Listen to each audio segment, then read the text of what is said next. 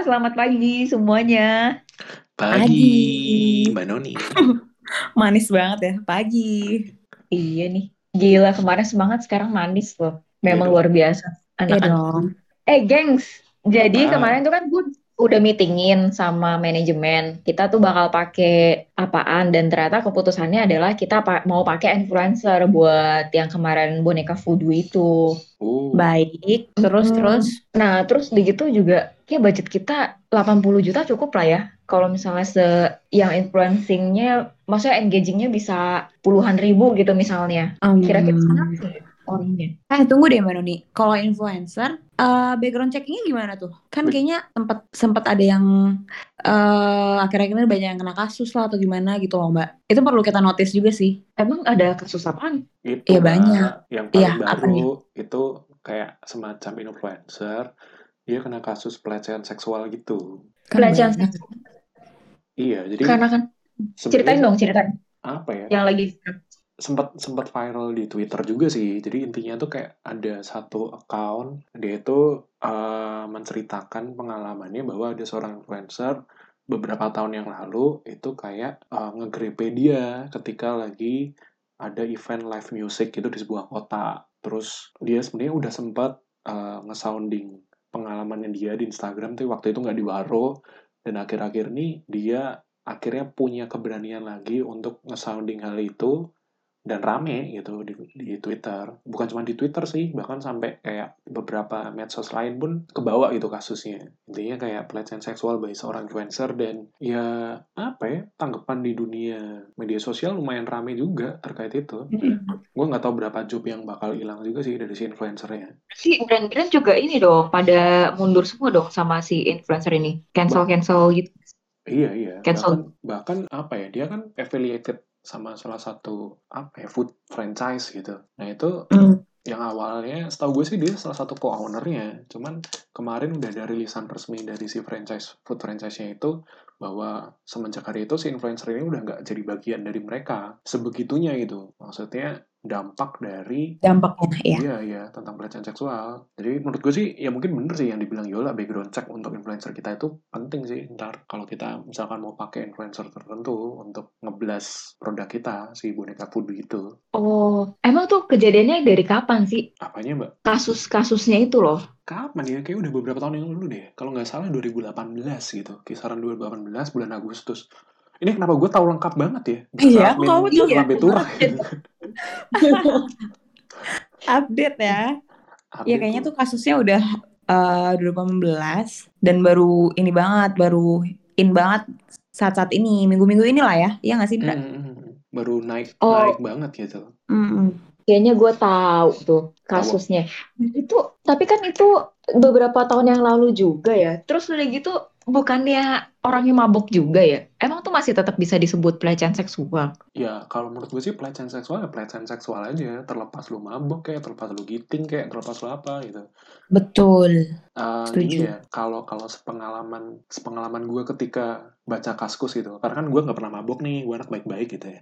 Jadi katanya nih kalau orang mabok tuh Iya. Nggak nggak yang sampai gimana, paling dia cuman ngantuk, terus ya udah capek gitu, nggak punya tenaga apa-apa. Tapi kalau ketika dia tipsi, nah itu posisinya adalah ya dia nggak sadar apa yang dia lakukan. Cuman itu biasanya juga kebawa dari perilakunya dia keseharian. Kalau misalkan emang apa ya orangnya sangean atau orangnya emang kelakuannya begajulan ya makin kebus lah gitu ketika dia tipsi gitu atau misalkan orangnya tipikal yang cablak gitu eh, bisa Hmm. tiba-tiba telepon terus ngomong racau gitu sampai lama gitu kayak pernah deh ada anak kantor yang telepon gue gitu mbak Oh iya pas dia lagi tipsi gitu. iya Terus ngoceh panjang lebar. ngoceh panjang banget tuh kayak sih bukan mbak Noni ya bukan mbak Noni gue kayaknya Iya, kayaknya bukan gue sih, soalnya gue Gak mungkin lah Mbak Noni ya. iya jangan Gua kan tuh ngebir gitu mbak Noni minum Iya, bir-biran aja mabok kan kemarin Satu-satunya yang bikin gue mabok itu adalah darat, laut, dan udara. Sedia antimo biar nggak mabok, makanya gue. oh jadi kemarin yang pil mbak bagiin ketika anak-anak pada clubbing tuh antimo dong berarti Betul, akhirnya pada nggak mabok kan, pada tidur kan. iya juga sih oh iya iya Iya. bagus bagus Abis itu boosternya gue kasih ini, tau nggak lo? Gue kasih koyo biar makin gak mabok. oh Kalau menurut gue sih pelecehan seksual ya pelecehan seksual aja. Hmm. Nah, yang menarik adalah catcalling. Catcalling menurut kalian pelecehan seksual atau enggak? Catcalling tuh apa? Manggil pus, meong gitu atau gimana? Ya pus, krrr, gitu Tapi ke orang gitu. ke orang. Hmm. Atau misalnya ada cewek lewat, kikiu, kikiu, amoy, amoy, misalnya gitu. Kikiu Moy, apaan? ini kamu nengok sini.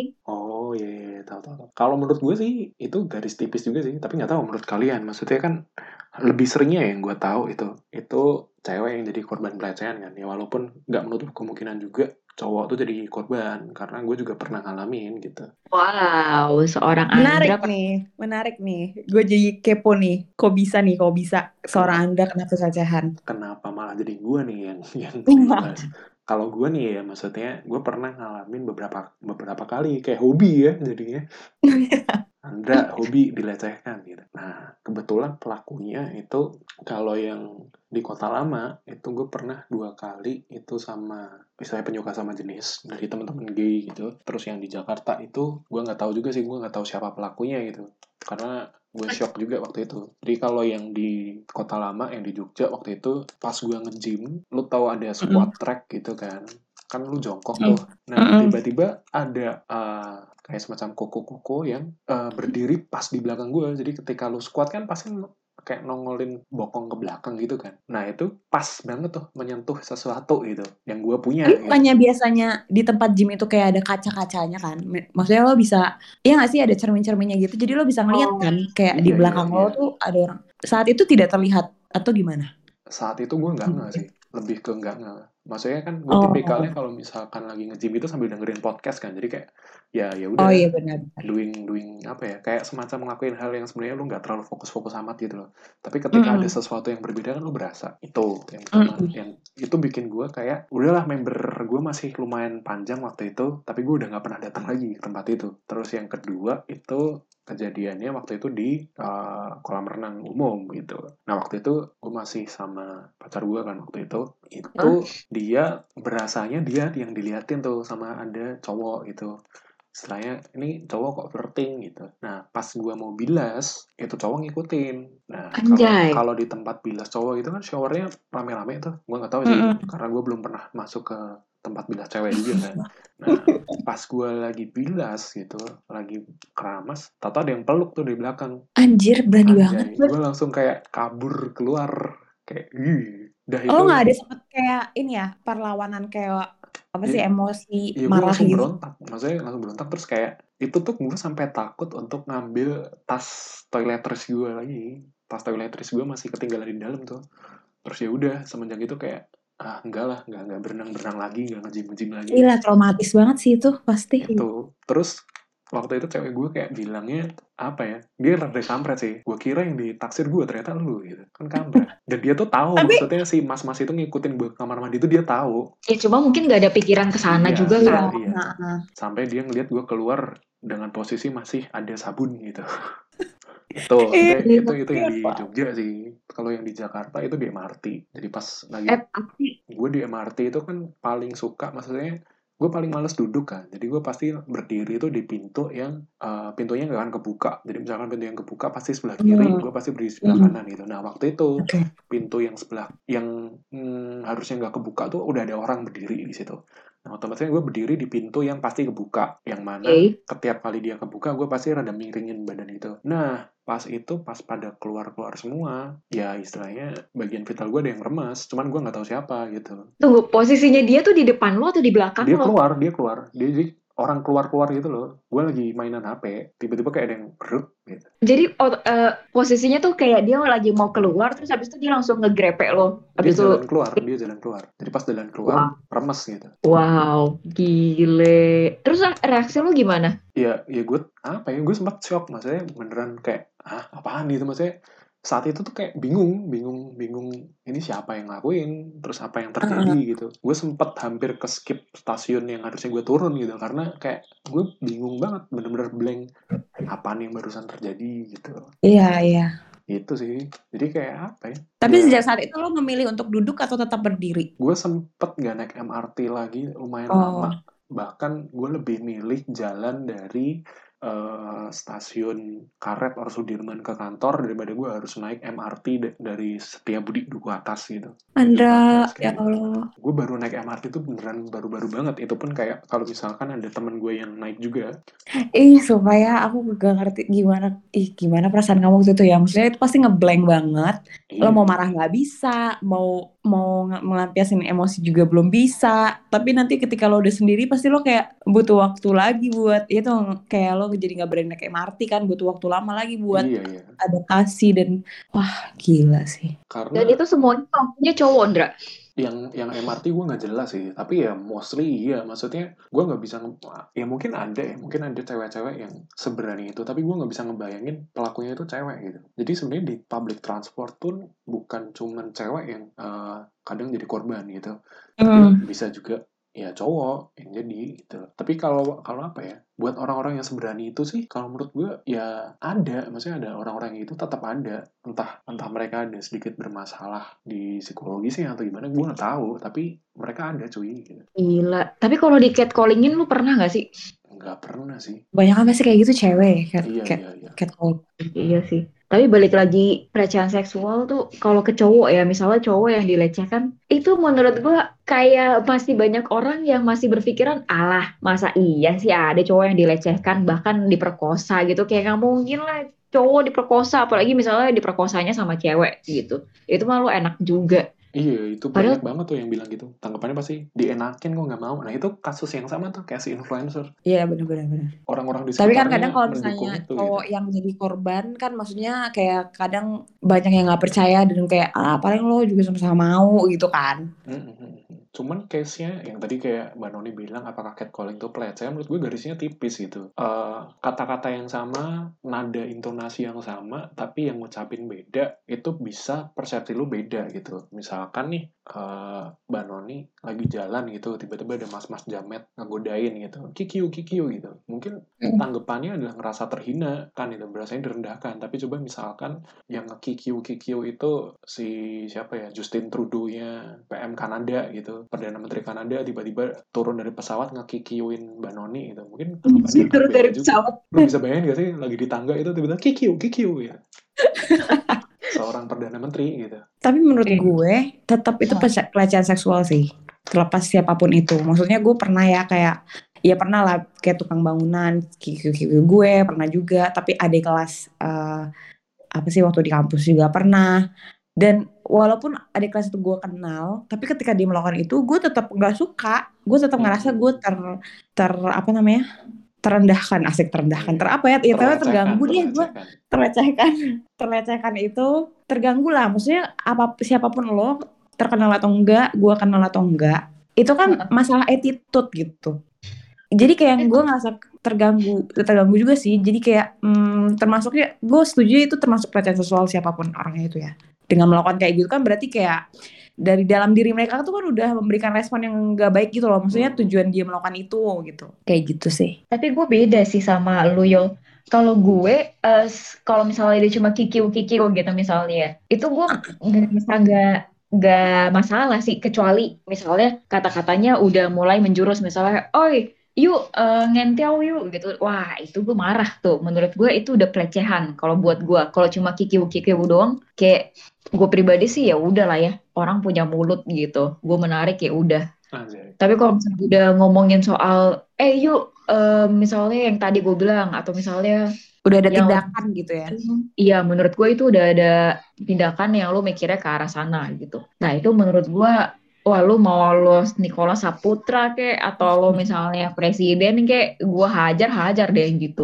Eh, itu Karena kan berarti menurut- kayak tiap orang punya apa ya istilahnya toleransinya sendiri-sendiri gitu terhadap itu Mm-mm. gitu kan Mm, mm, mm. Iya sih. Cuma kalau misalnya udah ngomongin fisik sih, itu udah udah nggak ada toleransi sih menurut gue. ya ya gue setuju Oh, nggak sadar. kayak case-nya si influencer ini apa ya gue tidak membenarkan perilaku pelecehan seksualnya tapi yang gue bilang apa ya selama buktinya belum benar-benar terbukti apa ya istilahnya ya walaupun banyak orang dan kalau nggak salah sih mbak yang dilecehkan ini juga lagi ngumpulin bukti gitu. Once itu buktinya udah kekumpul, menurut gue praduga tak bersalah buat si influencer ini gugur sih, runtuh gitu. Tapi selama itu belum terbukti ya, ya udah perilakunya salah, perilakunya lu kecam. Tapi orangnya menurut gue masih dalam posisi abu-abu, walaupun tidak bisa dibenarkan kelakuannya gitu. Hmm. Karena cancel culture serem juga sih.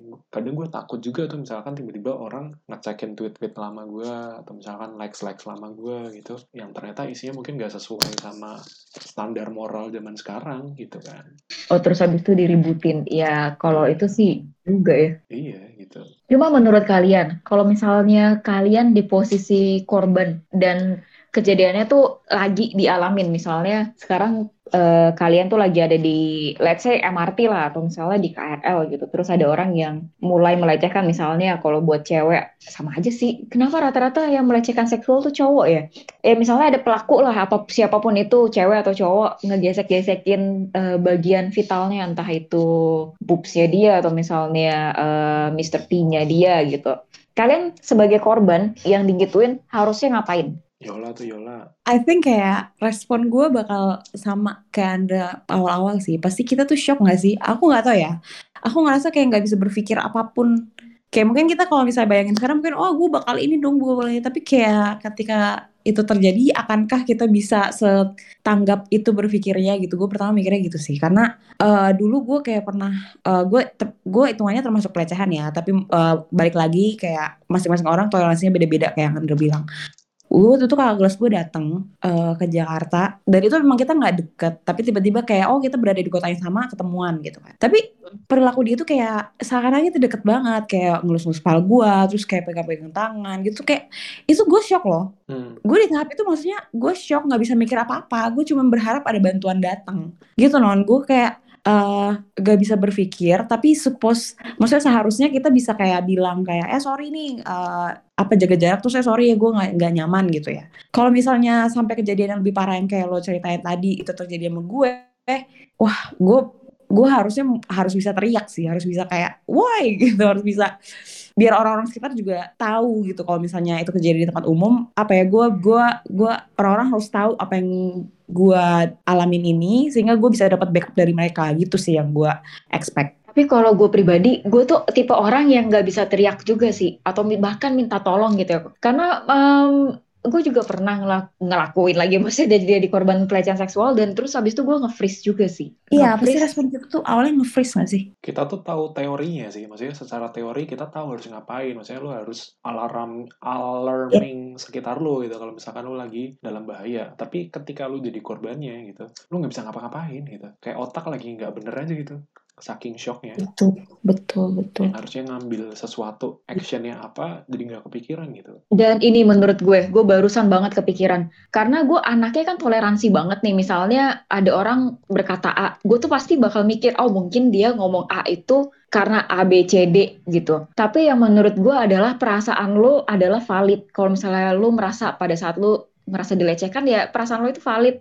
Jangan sampai lo bertoleransi sama perasaan lo hmm. ya udah uh, akuin aja kalau misalnya oh ya gue ini lagi dilecehkan lo harus mengakui itu dan terus sebisa mungkin kalau misalnya lo gak bisa teriak gitu ya kalau gue soalnya bukan tipe yang kayak langsung woi uh, mungkin menjauh kali ya kalau misalnya bisa yeah, yeah. jaga jarak ya benar kalau misalnya lo bisa nonjok gitu mungkin dari belakang kayak siku lo di diantakin ke belakang dan kena dia mungkin itu salah satu tindakan yang bisa lo lakuin. Yeah. itu sih karena rata-rata orang nggak nggak merasa nggak valid nggak sih? Kayak ini orang beneran ngelecehin gue atau cuma yeah, perasaan gue takut gitu. Takut takut kita ya terlalu oh, kepedean mungkin ya atau gimana gitu kan. Hmm. mungkin bisa ngerasa kayak gitu gitu. Iya gitu sih. Dan recovery Makanya, itu takes time juga sih. Maksudnya itu asli bener ketika Bener. lu jadi korban atau bahkan ketika kejadian itu udah lampau mungkin lu masih belum bisa bercandain gitu. Kayak gue juga gak yang hari ini digrepe terus tiba-tiba gue langsung keluar-keluar eh cuy gue habis digrepe itu bangga itu ya. Enggak juga.